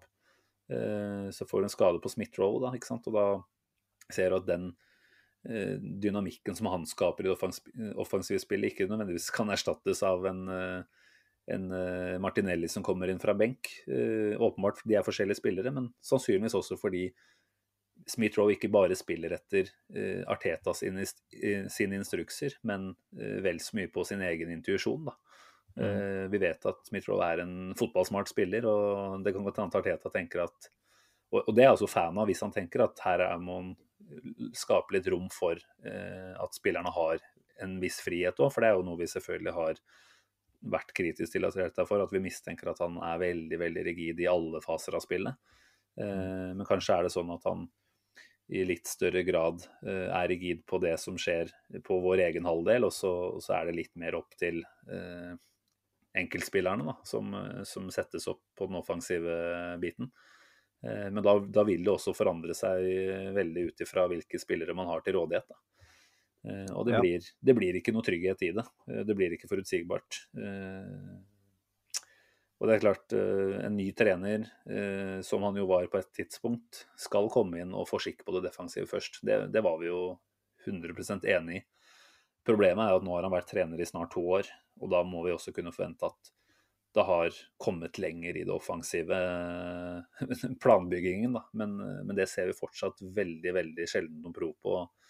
De gode mm. Opptredenene våre denne sesongen her har jo ikke vært prega av eh, innarbeida tydelige eller angrepskonstellasjoner. Det har jo stort sett vært litt sånn kaosfotball eh, med eh, egentlig enkeltmannsprestasjoner, da, i, i, stor grad som avgjør. Eh, hvor vi tar, eh, tar, lag på kontra og, og er litt eh, Det er litt Hawaii-fotball i forkant, kanskje, da, som gjør at det blir, eh, blir rom og, og, mulighet til å spille seg gjennom. Og når vi da møter et Everton under Benite som har vært ræva, ja, men de er fortsatt et Benitez-lag som potensielt sett kan stille opp i en ganske god, solid defensiv oppstilling. Da, da, får vi det vanskelig, da. Det viste vi jo med all tydelighet at vi gjør. Vi hadde ikke sjans. Vi hadde veldig lite å komme med i andre omgang også, selv om vi har noen sjanser som bør omsettes i scoring. Men, men det, er, det er jo på tide å stille spørsmålet om Arteta er eh, riktig mann for å eh, få ut det offensive potensialet av det laget her. Fordi det er mange enkeltspillere som vi mener, vi som følger Arsenal over eh, lang tid, eh, vi mener at de er bedre enn det de har vist nå over en lengre periode. Da. Så er det selvfølgelig et par deilige unntak i Saka og Smith-Roe som har tatt, tatt, de stegene vi har håpet på, og kanskje gjort mer enn det vi kan forvente. Men det er, som du var inne på tidligere, også veldig mange av de andre eksemplene som har regrediert eh, og blitt dårligere. Ja, altså Etter United-matchen så satt jeg mest med, den, med de tankene der. At uh, vi blir svikta uh, av de etablerte her. Uh, hvorfor er ikke Partey bedre? Hvorfor er Aubameyang så ute av det? hvorfor stokke dem opp og sørge for at vi fortsetter å kjøre kampen på 1-0 eh, når vi hadde, hadde, den på gaffelen for alvor. Eh, og I stedet så faller vi jo tilbake til gamle synder og nærmest eh, gir dem lillefingeren og hele hånda. Eh, og det er mange som skriver til oss eh, på Twitter og Facebook som, som faktisk har fått nok. Eh, Gunnar mm. Jonsson skriver jo at jeg håper at Tete ikke blir med på spillebussen til London. Det ble han. Og, det ble han, og det, det er helt greit, syns jeg. Men jeg forstår at folk begynner å få nok. Det er jo litt sånn at vi har en idé om hvem Miquel Arteta er, basert på det han sier i media, det, mm. det andre sier om Arteta, og eh, kanskje det han viser første halvåret. Eh, er, vi har blitt litt, kanskje litt blenda av, av, det. Eh, det er, jeg tror vi er et stykke unna fortsatt å, å, å få vite hvem han egentlig er. Eh, fordi at akkurat nå så virker det som han falmer litt uh, i blinde til tider. Snubler mm. litt over, uh, som vi snakka om, uh, løsninger og konstellasjoner. og formasjoner og hele pakka. Det, det virker som han ting går litt for fort for han akkurat nå. Han klarer ikke helt å være med på det kjøret. og um, Folk som sier at han er, han er en grunnleggende defensiv, kjedelig fotball. Han, er, han, har, han, har, lært mest av David Moyes og lite av Guardiola og Wenger. Uh, jeg tror ikke nødvendigvis det er sånn det henger sammen. Jeg tror bare rett og slett vi Han jobber med å bli kjent med seg sjøl i en sånn rolle, og vi jobber med å bli kjent med han. Jeg, jeg, er redd at vi ikke rekker å bli kjent med han før, uh, før det blir for destruktivt og for svakt i, i, i, den jobben. Og jeg tror skoa det har, det har jeg vært tydelig på tidligere òg. Jeg tror skoa kanskje blir for store her. Mm. Uh, selv om jeg liker han og har troa på han, så uh, Jeg håper selvfølgelig at vi rekker, rekker, det. Vi skal ikke bli noen sånn Arteta in out-episode, det her. men som Kristoffer eh, Gullberg også skriver til oss, at jeg er ikke en Arteta out-person. Det skal være sagt. Syns det har vært såpass med progresjon og at jeg fortsatt har troa på prosjektet. Mm. Eh, og det er vel kanskje eh, det vi må prøve å fortelle oss sjøl, litt sånn som Kristoffer gjør, at, at, det er en progresjon her, tross alt. Eh, men at det er veldig vanskelig etter den siste uka nå å, å, å ha det ha det utgangspunktet. Da. Eh, fordi man har sett det før. Man frykter at Arteta ikke skal klare nå å, snu det her. Eh, nå har vi jo rekke, en rekke med kamper, Simen. Eh, tror du at, at vi igjen har gått over til den andre siden igjen når vi, når vi kommer til den første nyttårsdag foran City-kampen? Vet ikke hvilken side du snakker om. Altså, jeg er jo fortsatt der at jeg Altså, jeg tror det er helt unødvendig å ha en Arteta out-diskusjon, fordi jeg tror ikke han sitter i nærheten av uttrykt. Han har opparbeida seg en buffer nå i forkant av Liverpool-kampen som er ganske solid. Så har det selvfølgelig nå blitt noen skudd for baugen. Eh, så er det sånn at vi har eh, flere hjemmekamper enn bortekamper de neste rundene. Eh, to på rappen nå. Vi har en hjemmeform som er formidabel så langt denne sesongen. Med unntak av Chelsea så har det sett i hvert fall resultatmessig veldig bra ut. Og jeg tenker at uh, kommer man i gang igjen uh, nå med, med, en OK uh, prestasjon og, og, resultat mot Southampton og Westham, da, da tenker jeg igjen han viser at dette Altså nå har vi to kamper på rad.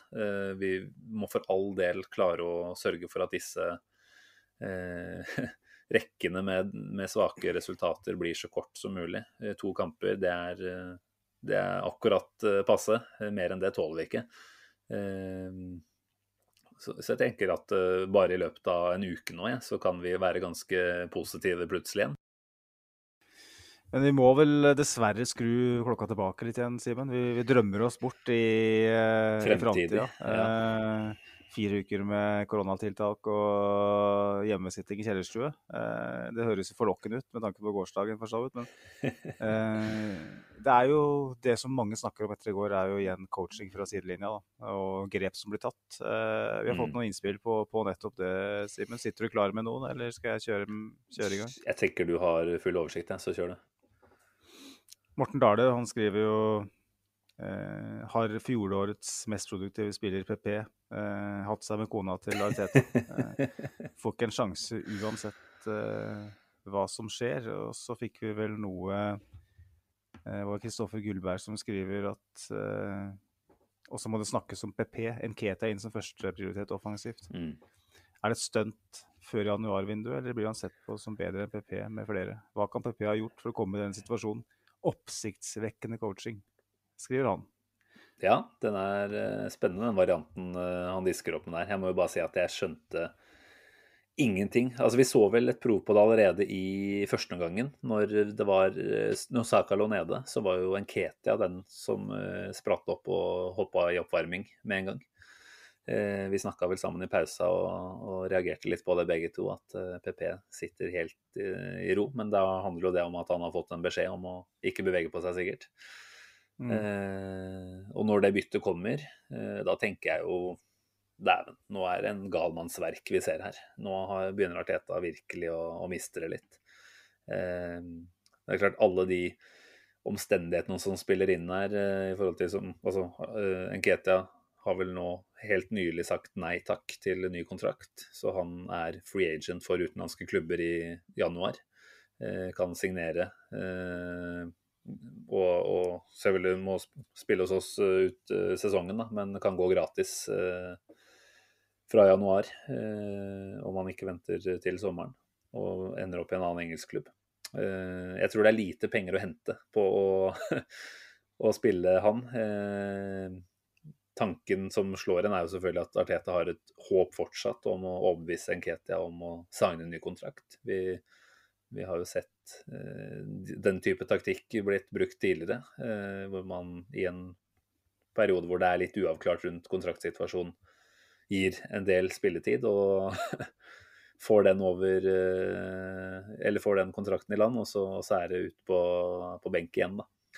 Men, men, jeg klarer liksom ikke helt å tenke at det er sånne vurderinger Arteta legger til grunn heller. Det var på et tidspunkt hvor vi Det var vel 1-1, var det ikke det? På det tidspunktet der. Eh, jeg tror at Arteta da tenker at vi, vi ønsker mål nummer to, vi ønsker denne seieren her. Og så på et eller annet vis da, så tenker han at Nketia er mannen som skal inn på venstrekanten og, og være en trussel. Og så viser jo det innhoppet at det faktisk stemmer. Og det tenker jeg er viktig å huske på her, at eh, egentlig så rettferdiggjør prestasjonen til Nketia at han får det, det innhoppet der. Altså han bør selvfølgelig skåre på den sjansen hvor Saka legger inn. Eh, men det er marginer imot. Men han skaper også et par eh, bra sjanser nesten på egen hånd. Ikke minst den eh, på over overtid, når han serverer Aubameyang. Eh, og Arteta sier jo igjen noe om det i ettertid, at han gir Nketia muligheten fordi han på treningsfeltet eh, jobber så hardt og dermed fortjener det. Og jeg tenker at det kan ikke tolkes som noe annet enn et ganske klart stikk i retning PP nok en gang, og kanskje også Aubameyang, da, som uh, jo da ikke kommer på før i det 85. minutt for uh, uh, Lacassette, var det vel da. Mm. Så det er, eh, det er jo oppsiktsvekkende. Det er veldig spesielt. Og det er klart, én ting er at dette sikkert eh, kan stemme. Altså jeg kan jo se for meg at Aubameyang nå i eh, alt annet enn skåringsform også ikke er i noe særlig humør om dagen, og kanskje ikke har vært helt optimal på London Colony de siste dagene. Det kan godt hende. Men hva gjør du med Hva gjør du med kapteinen din når du ikke da prioriterer han foran en 20-åring, 21-åring som man vet er på vei ut av klubben, som alle da på, på innsiden vet at har takket nei til ny kontrakt? Hva gjør det med Aubameyang? Hva gjør det med resten av laget? Eh, jeg tenker at Arteta trår på en veldig tynn eh, line her, da. Eh, han har jo hatt mange ganske ja, tydelige disputter etter hvert, da, hvor han har statuert eksempler. Eh, og på et eller annet vis så har det vel alltids gått ganske bra eh, totalt sett, men eh, man lurer jo litt da, om dette er måten å få en reaksjon fra Aubameyang på. Det vil jo fremtiden vise. Jeg krysser jo fingra for det, men jeg, jeg syns det var merkverdig, både det byttet. Jeg syns det var merkelig som jeg var inne på å bytte ut Tierney for Tavares. Ja, man får noe annet, men jeg syns ikke Tierney så ferdig ut i det hele tatt. Da. Og når du vet at du har en Sjaka innpå der som får gule kortet i løpet av andre omgangen, som ikke har spilt en kamp på over to måneder, som går mer og mer tom, eh, som ender opp med å stå på i hele oppgjøret fordi man da ikke har flere bytter igjen jeg, eh, jeg stusser over flere av de byttene Arteta gjør, og det blir på en måte bare enda mer eh, ved på bålet i forhold til dette med at han er ganske begrensa, eh, i hvert fall i forhold til hva han har klart å vise når det kommer til in game management. Der er det store, store forbedringspotensialer ute og går. Mm, definitivt. Og det, det er kanskje Eh, det som understreker eh, det jeg snakka om i stad, at, eh, at, ting går litt for fort for han. Han, han er rett og slett ikke skolert nok, ikke rask nok i, mm. i, tankegangen til å ta de kloke valgene underveis. Så jeg så litt på noen tall um, før innspillingen her som jeg syns var ganske interessante. Uh, for jeg har jo sittet med en følelse av at Arsenal stort sett uh, avslutter kamper dårlig. Det er en, en saying som sier at 'nice guys finish last', men i mine øyne så vi snille gutter avslutter stort sett i en tennissokk. Uh, jeg, føler jo at, uh, at, Arsenal er litt der. vi er vi, er ikke, vi viser ikke noe urgency. Vi, ikke noe, vi er ikke slemme nok i så måte. Vi pusher ikke på nok i slutten av matcher. Og det mm. handler om, om at det er gjerne midtveis andre omgang at, at, uh, at, de taktiske endringene kommer. At man posisjonerer seg i, i en kamp hvor, hvor, det skal avgjøres. De fleste fotballkamper avgjøres stort sett ikke før mot slutten av matcher.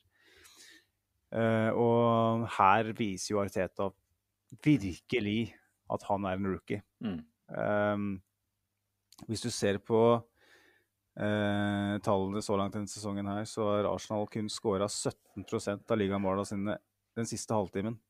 Altså de skåra tre mål siste halvtimen denne sesongen her. Eh, ligasnittet ligger på 41% altså Det vil si at nesten halvparten av måla skårer siste halvtimen, mens Arsenal kun skårer 17 Under en femtedel, ja, ikke sant. Og det er jo ikke sånn at vi ikke har trengt disse måla på slutten av kampen heller. Stort sett så har vi hatt behov for mål mot slutten. Nettopp. Uff.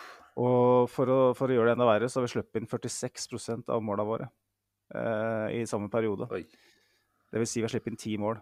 Eh, vi har en eh, målforskjell siste halvtimen på uh, 3-10, da, minus 7. Mm. Uh, og hvis du ser på bortebane, så har vi ennå ikke skåret et eneste mål etter uh, den siste halvtimen. Nei. Det seneste målet vi har skåra på bortebane denne sesongen, der er Martin Ødegaard mot United i det 50, 54. minutt. mens vi har sluppet inn sju. Så vi har en målforskjell på 0-7 siste halvtimen på bortebane. Mm. Så ser du på andre Det er en tabell som heter andre omgang-tabellen, selvfølgelig. Eh, tabellen etter pause. Der ligger på 16.-plass.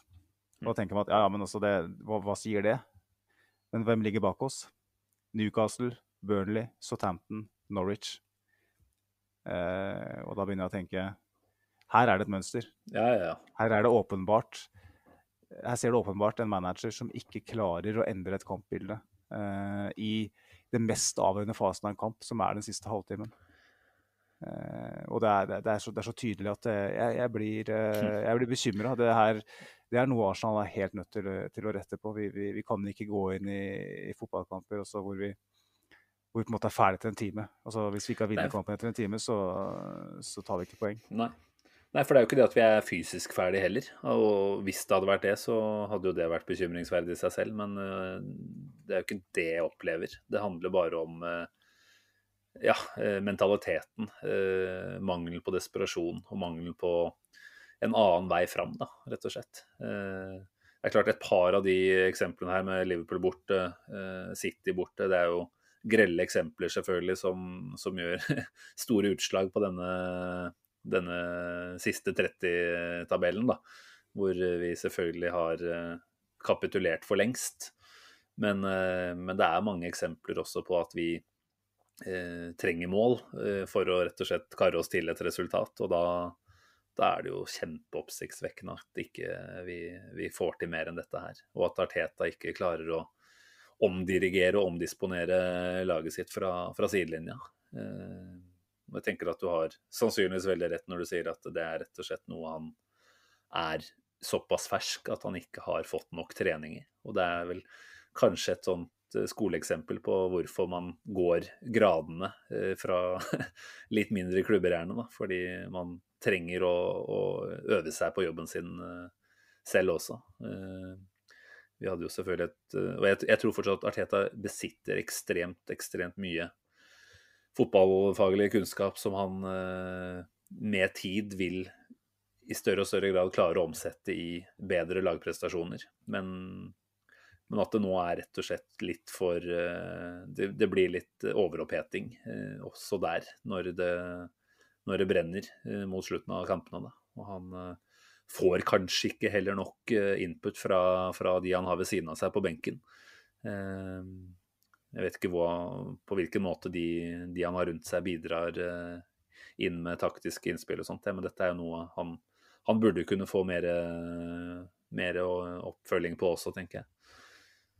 Ja. Eh, det er jo hvis man ser på den staben han har, så er det jo flere der med ganske mye erfaring. Så hvorvidt han lytter til det mm. og tar det inn over seg, det vet jeg ikke. Men så, så, så er det mange også som, som mener at uh, det her handler om uh, altså, Trenden er jo klar, vi skårer jo mål for all del. Vi skårer ikke nok, selvfølgelig, men det er, ikke, det er, jo tydelig at vi skårer for lite, spesielt den siste, siste halvtimen. Så er det mange som peker på at, at vi at hadde vi hatt en litt Uh, har hatt et par spillere offensivt som virkelig er pålitelige, som er uh, dødelige, så kunne vi kanskje Og det så vi i går òg.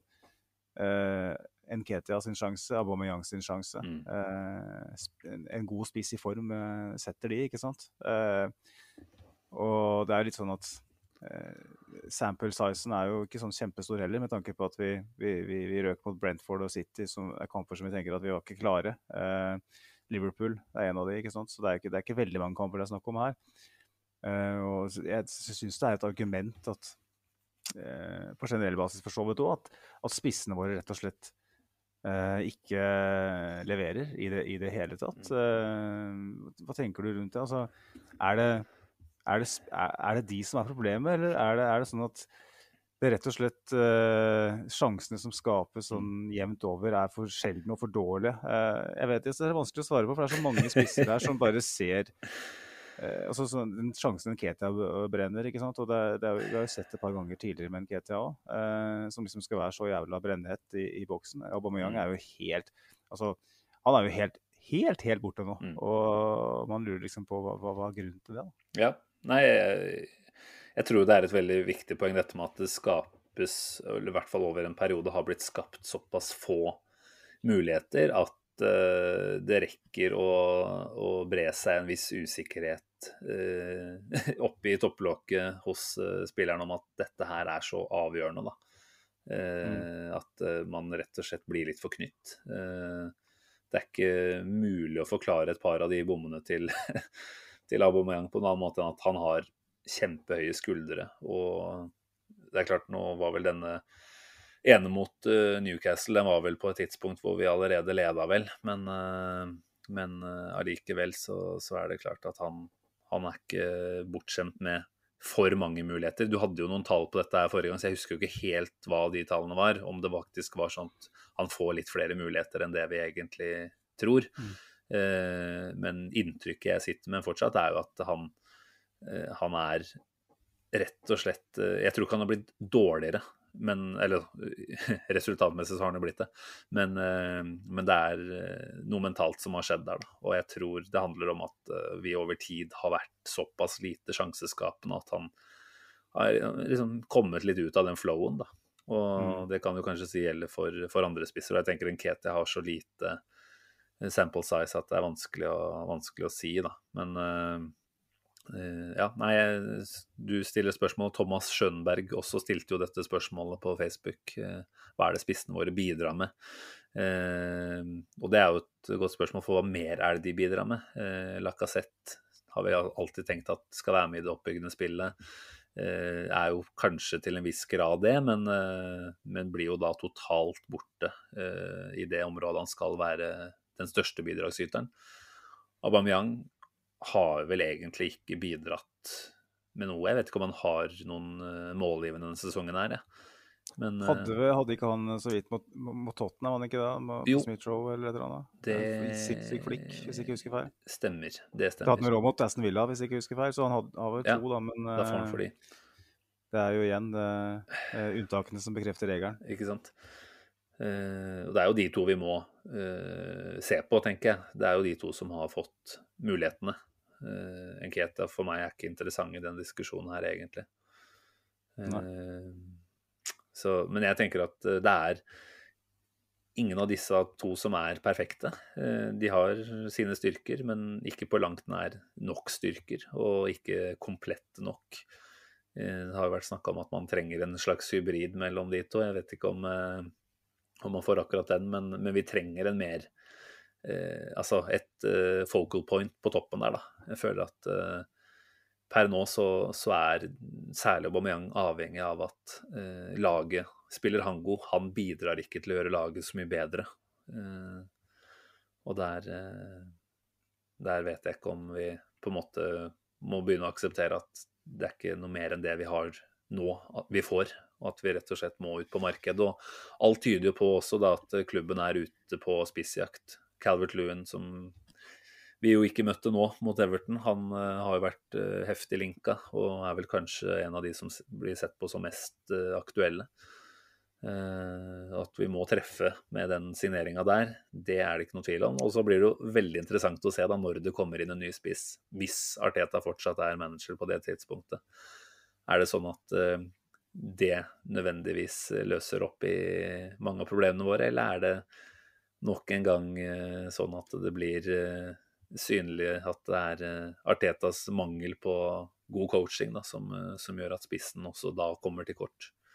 Ja, det, er langt, det er langt fram i tid, så det, det er ikke sikkert. Det, det, det, der med at uh, Hvis den spissen er skada i to måneder, da, vil vi da falle tilbake til mm. Ikke sant? Så det er, det er, en del spørsmål der som vi, vi vil, vil, få, få svar på. Jeg fikk, uh, fikk en melding av uh, Andreas eh, fra Arctic Unipod, som var snill nok til å, å vikariere for deg for et par uker siden. Eh, hvor han Bare for å ta litt tempen, da, så, så, skrev han at liksom Han er noen år yngre enn meg, og så vidt yngre enn deg. og Han skrev at han sjelden har vært så rasende etter en kamp som han var, det var i går. Eh, jeg synes det var interessant bare for å liksom eh, jeg, jeg, tror vi sitter og føler noe, eh, alle som holder med Arsenal nå. Eh, veldig ulikt ut fra utgangspunkt og sånn. Eh, jeg kan jo spørre, Du vet at du var forbanna, liksom, men eh, når, er det lenge siden du har vært så forbanna? Eller kan det komme et, godt, et, et litt morsomt eller godt eksempel på, på forrige gang du liksom virkelig var skikkelig forbanna? Altså Arsenal-forbanna? Eller ja, ja. generelt? ja, nei, jeg tenker Arsenal, da. For det, jeg skal ikke, du trenger ikke utlevere privatlivet ditt, for så vidt. Eh, jeg vet ikke, altså I går igjen så kjente jeg Nå er det kanskje noe med at det var kveldskamp og at jeg begynte å bli litt grann sigen, men jeg var først og fremst litt trist. Eh, satt nesten der og stirra tomt i veggen og var litt våt i øyekrokene og tenkte at hva er det, hva er det vi liksom har kommet til å bli, da. Altså dette var kamp nummer to da, etter den Old Trafford-kampen. Og jeg forventa så mye mer. da. Eh, forventa reaksjonen, forventa å se spillere som igjen i hvert fall, Jeg vet ikke om du skal forvente at de blør for drakta, men uh, tilsynelatende så, så, gjorde de ikke det. Uh, og jeg tror det handler mer om at de ikke nødvendigvis vet helt hva de skal gjøre, enn en at de ikke vil. Men uh, nei, jeg satt igjen og var så først og fremst skuffa. Eh, burde selvfølgelig kanskje vært forbanna, men, eh, men eh, kjenner at jeg klarer liksom ikke helt å hisse meg opp på den måten som du gjør, og kanskje som Andreas også gjør.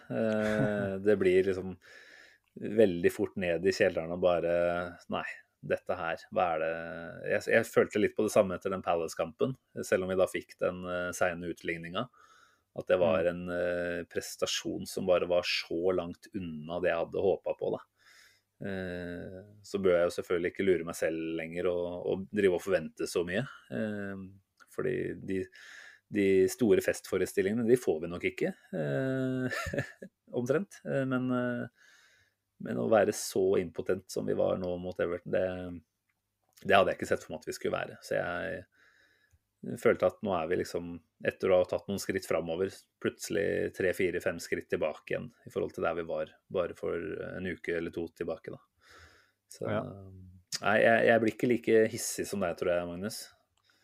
Nei, altså, det, det tror jeg nok er riktig, men jeg har nok eh, blitt eldre, eventuelt eh, blitt prega av eh, flere år med, med, svake resultater. Sånn at man på en måte forventer det i, i større grad. Da. Og mm sist jeg var eh, skikkelig, skikkelig rasende, altså sånn som jeg husker. Altså jeg var jo jævlig forbanna etter uh, nei, nei, Burnley-matchen hjemme i fjor, var det ikke det? Når Sjaka ble utvist. Jo. Vi har realkampen hjemme. Den var jævlig. Ja, da, men da var jeg mer skuffa. Da var jeg mer sånn tom. Ja. Eh, resignert. Eh, Burnley hjemme når Sjaka ble utvist. Egentlig mest når Sjaka ble utvist. Mm. Da, da, da, da mista jeg det. Eh, da måtte jeg ut av huset eh, og få frisk luft. Og men for, forrige gangen jeg liksom virkelig mista det, må jo ha vært eh, Det er lenge siden nå, tror jeg. Eh, det var 2016. La oss dykke ned i elendigheten her. Eh, hjemme mot Swansea. Husker du den kampen? Eh, nei, Våren 2016. det tror jeg. Vi hadde Dette var jo Leicester-sesongen, eh, som vi kaller den. Vi hadde vunnet mot Leicester 2-1. Ja, ja. Danny Welbeck, alle husker den. Mm. Og tenkte nå vinner vi ligaen, ikke sant. Eh, Wenger får Fordi at alle andre er så forbanna ræva denne sesongen, her, så kommer Wenger til å vinne siste ligatrofé. Som på en måte gjør alt så perfekt. Det blir en sånn aske, Askepott-historie. Eh, Happy ending. Eh, og så um, spiller vi borte mot United uka etter. Eh, Et United som er skadeskutt. Eh, Louis van Hall United. Eh, Rashford Marcus. Rashford skårer sin første. Mm. Vi taper 3-2 på Old Trafford. Helt patetisk dårlig, akkurat som sist mot, mot United. Yes. Det er sånn klassisk Arsenal på Old Trafford, at vi spiller mot eh, logoen og ikke mot uh, den elveren som er forbanna. Kampen etter, da, da tenker vi at ok, vi taper mot United, fair enough. Eh, det gjør vi alltid. Nå må vi reise kjerringa mot Swansea, for at det er vår sjanse. Gjør vi det, så er vi fortsatt med. Mm. Så taper vi 2-1 hjemme mot Swansea midtuka der. Ashley Williams på overtid på corner. 1-2. Shit, altså, jeg klarer ikke å huske dette her sånn i detalj. jeg. Er imponert over hva du innehar av eh, kunnskaper her. Det er noe med at traumatiserende opplevelser, de, de setter seg. Ja, de fortrenger. Da, det, er, det er forrige gang jeg mista det helt. Da var det slåbrok og tøfler ute i snøen med juleøl. Det, det glemmer jeg ikke. Da var jeg så forbanna at jeg måtte rulle i snøen for, jeg, for å kjøle meg ned. Rulla slåbrok i snøen. Håper ingen så det. Jeg nekter jo egentlig å tro på dette her. At det gikk så er helt- langt. Ja, men så, så ille var det. Og det er, det, er, det er fem år siden. Det er fem år siden, det er derfor jeg tør å si det. Men da, da bare gikk det, da bare klikka det helt. Og da jeg fikk melding fra Andreas og så tenkte jeg liksom Han skrev at han hadde aldri vært så rasende omtrent etter en et Arsenal-resultat. Da begynte jeg å tenke på når sist var jeg så rasende at jeg helt mista det. Hm. Da var det altså fem år siden, da. Heldigvis, får jeg si. Eh, det er nesten seks år siden, faktisk. Det var før jeg fylte 30, så jeg tenker at eh, Jeg har blitt voksen, da, men eh, jeg tror, det, jeg, jeg tror at, eh, at alderen har litt å si her. Mm. Eh, Jeg håper det, at jeg ikke opplever det igjen. At jeg ruller rundt i hagen her. Nei, nå føler jeg at jeg er en, eh, en liten puddel sammenligna med deg. Jeg har vel aldri reagert på den måten der. Eh, selvfølgelig slått i ting og diverse ting som har blitt uh, dytta vekk og sånt, men eh, akkurat eh, å la det gå dit at jeg springer ut og kaster meg i snøen, det Der har jeg ikke vært, altså. Så vi har forskjellige måter å håndtere dette på. Jeg sitter bare og, sitter bare og banner eh, inni meg. Det er det beste. Eller det verste, egentlig. For at til slutt da så ruller du rundt i snøen. Hvis du banner inni deg lenge nok, så kommer den reaksjonen. Så det lønner seg egentlig bare å gjøre det. Gjør det bare, det er ikke noe å vente på. Nei, muligheten er jo her nå. Hagen er full av snø, den. Så vi får håpe at ikke lørdag eller eh, onsdag eh, blir en anledning for det. Ja, var det, da.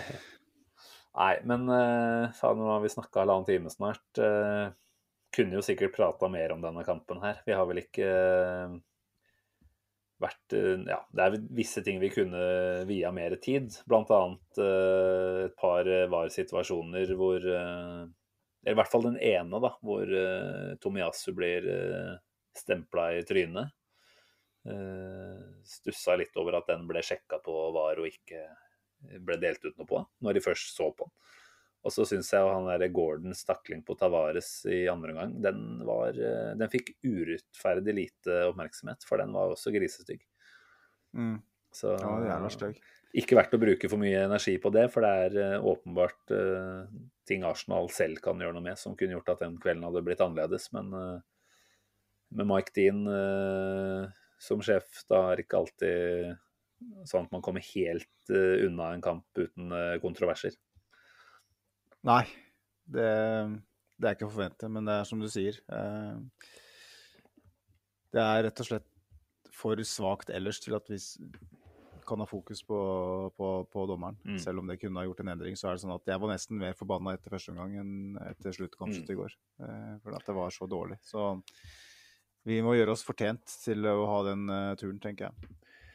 Som eh, Famara Sonko sa, eh, Arsenal har en tradisjon for å gi motstanderen hjelp som er mye større enn hva høytiden id er for muslimer. Eh, det er ikke mer å si enn det. Vi er, eh, vi er ekstremt eh, flinke på å dele ut gode opplevelser til lag som trenger det. Det er et fenomen som er merkelig, altså. Ja, det er som vi sa før, det er, dette er ikke et uh, Arteta-problem, det er et Arsenal-problem. Så Mm. hvor den skoen trykker hen, det kan gudene vite. Eller Allah vite, holdt på å si. eh, Når vi snakker om det han godeste Famara skrev. Men uh, ja, det er faen meg helt merkelig altså, at det Mm. går an å, å være sånn her eh, If you need a conference boost, who you gonna call? Det er Mm. Arsenal Busters. Eh, fuck off, altså. Er det mulig? Jeg blir så forbanna jeg merker at nå har jeg lyst til å rulle rundt i slåbrok i snøen igjen. Kan ikke, vi, kan ikke vi komme over på litt hyggeligere takter? Og det er vel en X-spiller som skal uh, i ilden her snart, er det ikke det? Uh, En uh, reprise, vel å merke, ja. Jo, men vi tar det vi tar det vi får. Jeg bare har lyst til å, før vi går dit, avslutte med en sånn liten upside fra Franco Roche. Jeg vet ikke helt hvordan vi uttaler etternavnet her, jeg. Roche eller Roche.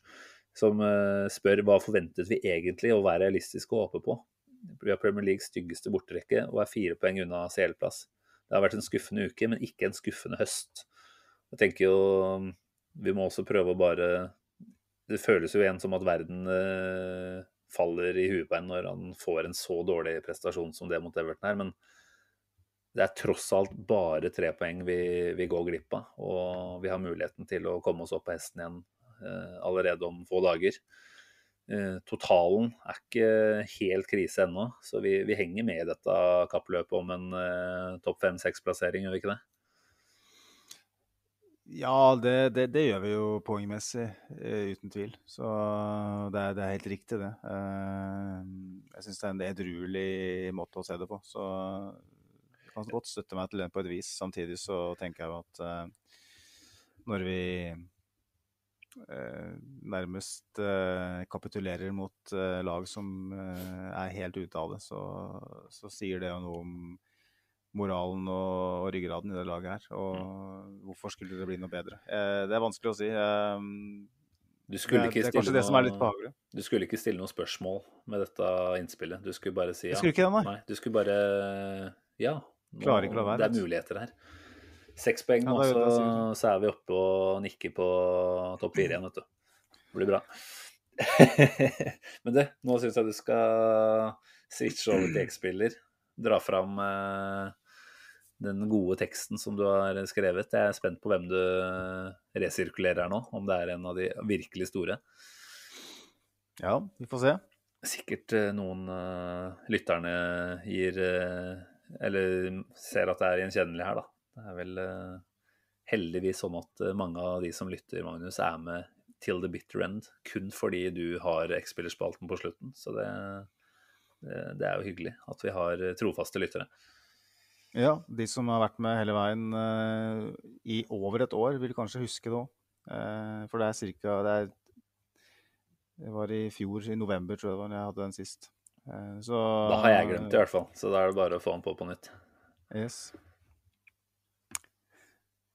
En ti år gammel gutt sitter med en fjernkontroll og surfer på tekst-TV.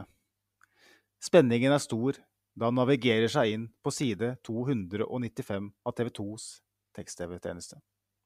Clowns het nyhetstjenesten, hvor man fikk bruddstykker av de viktigste overgangsryktene servert. Ville man vite mer, måtte man betale. Men det var ikke nødvendig for en påtroppende fotballfanatiker i barneskolealder. I det gode, gamle dager, da alt var så mye bedre, fikk man få hint fra selverklærte fotballagenter og opportunistiske journalistspirer. Da var det nettopp tekst-TV, eller sportsnyhetene, da, som var eneste dagsferske kilde. Men tilbake til sofaen hvor tiåringen sitter. En sofa som kun er en sprakende rødfarge unna å være en tro kopi av sofaen fra Mot i brøstet. En Arsenal-oppdatering lyser fra Clowns, og det omhandler den ubestridte favorittspilleren. Det er ikke gode nyheter. I alle fall ikke slik en tiåring tolker det. Overskriften lyder Bergkamp ber om overmarsj. Med lite inngående kjennskap til fotball utenfor Norge og England, samt et vokabular under utvikling, tolka han dette som, som om den guddommelige Dennis Bergkamp hadde levert inn en transfersøknad. Nattesvette og mageklump fulgte de kommende døgn, inntil han plutselig kunne bevitne en dobbeltsignering fra The Gunners. På Hybrids neglklipte teppet poserte en franskmann som definitivt tok opp kampen med David Seaman i hva slående likhet med en pornostjerne angår. Ved siden av ham sto en nederlender med beskjeden høyde og noen færret fellestrekk med Kurt Netto.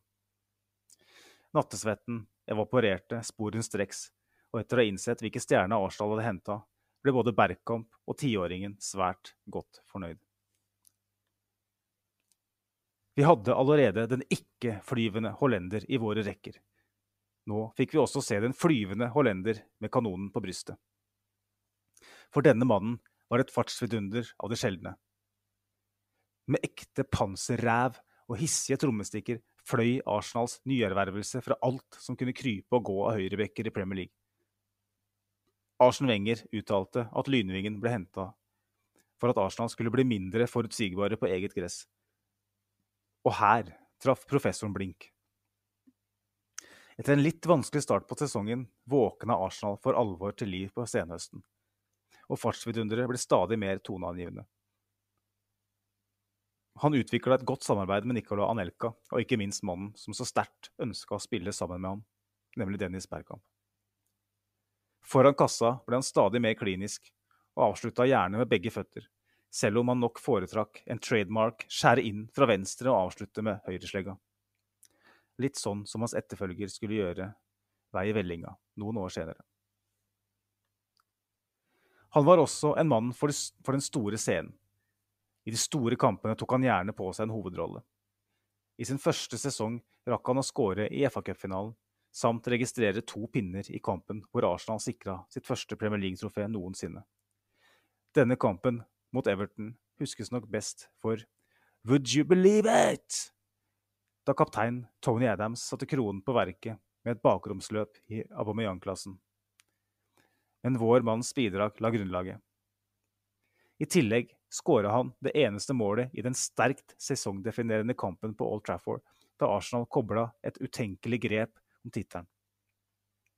Gary Neville vil nok helst glemme denne marsdagen, da den flyvende hollender gjentatte ganger tok ham med på løpetur. Etter flere skremmeskudd fikk Arsenal-stjernen endelig uttelling i det 80. spilleminutt. Schmeichel var overlistet, og euforien i borteseksjonen var total. Også på denne tiden var Arsenal hjelpeløse på Old Trafford, og dette markerte den første borteseieren mot de røde djevlene på åtte år. Enda en grunn til å fremstå smått psykotisk i feiringen, som ikoniske Barry First på tribunen. Som en sentral brikke i Arsenals første dobbelttriumf siden 1971 og Wengers første titler, er navnet til dagens X-spiller skrevet inn med gullskrift i klubbens historiebøker. Intet mindre enn 16 fulltreffere fløy inn i den første sesongen. Både den flyvende hollender og Arsenal fikk det noe tøffere sesongen etter. Men han noterte seg likevel for respektable tolv fulltreffere i en sesong hvor vi tapte på målstreken for United både i ligaen og cupen. I sin tredje og siste sesong fortsatte han i samme spor, og endte opp med 13 fulltreffere fra sin posisjon ute til venstre. Han gjorde en god figur i Europa, men kunne ikke forhindre at Arsenal for andre sesong på rad røk ut av Champions League i gruppespillet. Tenk det. Uefa-cupdeltakelse venta som trøstepremie, og klubben var smertefullt nære å dekke over såret med gullplaster. Etter flere imponerende kamper endte ferden i parken i København.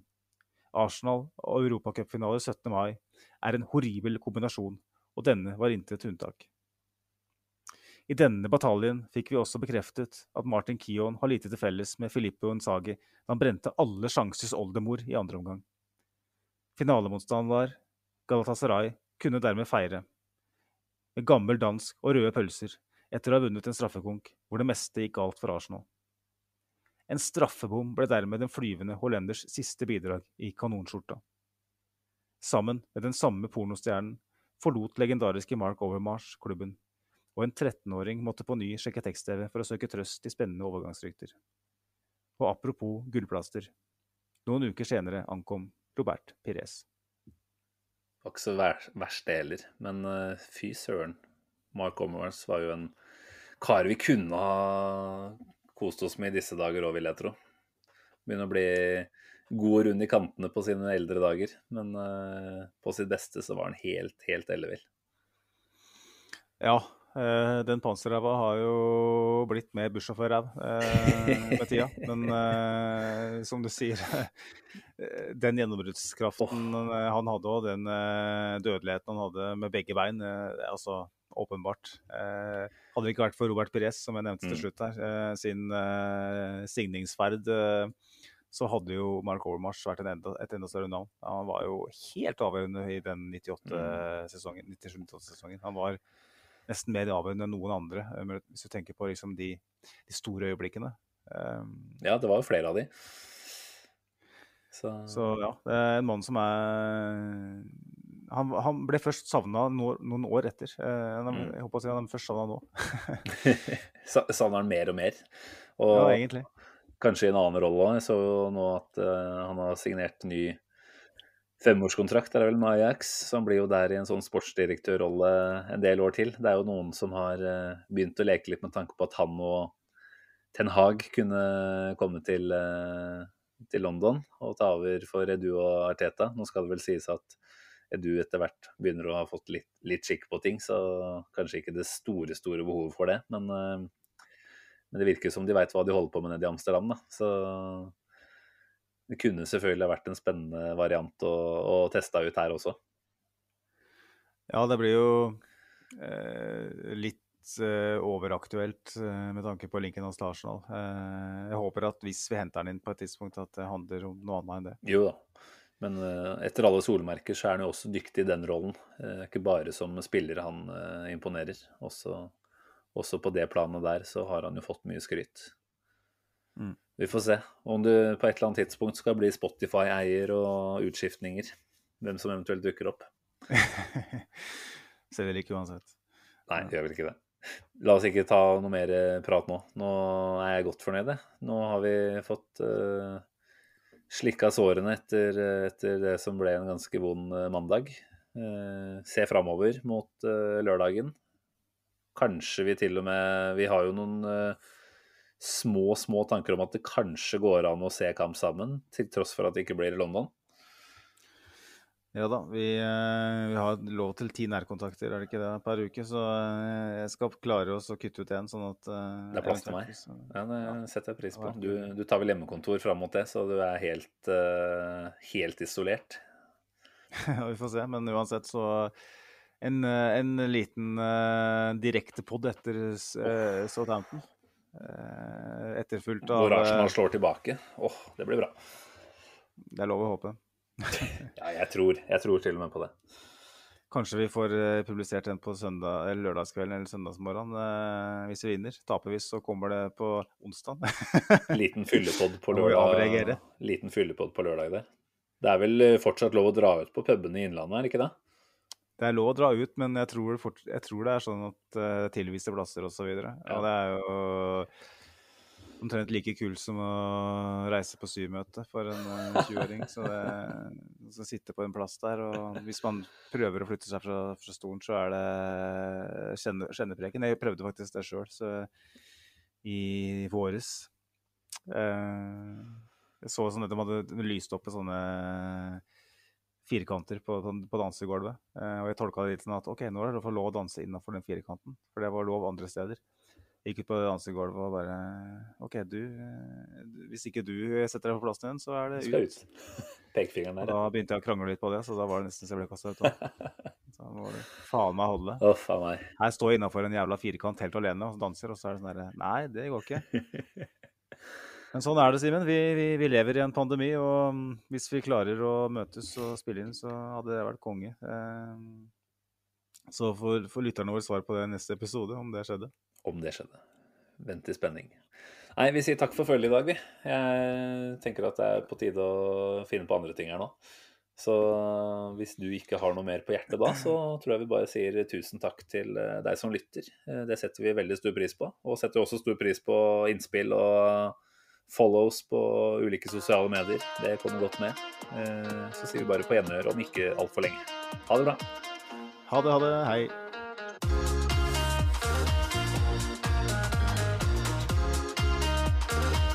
This train terminates here.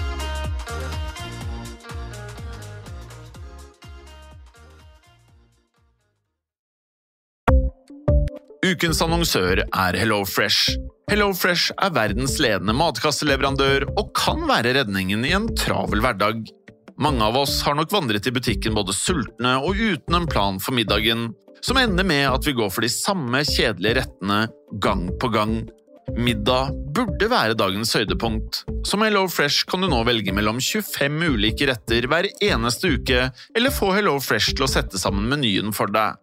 Dette gir deg muligheten til å prøve nye og spennende retter alene eller sammen med familien. Du velger antall porsjoner og får alt levert på døren på et tidspunkt som passer for deg. Oppskriftene er enkle, og maten er lett å lage både for store og for små. Ved å få alt levert hjem får du også mer tid til å dele matgleden med familie og venner. Kanskje det frister med asiatiske tacos eller greskinspirert kylling? Da kan jeg anbefale deg om å gå inn på hellofresh.no. Her kan du bruke koden FOTBALL og få opptil 1779 kroner i rabatt på de første fem matkastene hvis du ikke har prøvd HelloFresh tidligere. Du kan også bruke rabatten hvis du har vært kunde og stoppet abonnementet ditt for tolv måneder siden eller lengre. Gå inn på hellofresh.no og bruk koden FOTBALL. Har du et enkeltpersonforetak eller en liten bedrift? Da er du sikkert lei av å høre meg snakke om hvor enkelt det er med kvitteringer og bilag i fiken, så vi eh, gir oss her, vi. Fordi vi liker enkelt. Fiken superenkelt regnskap.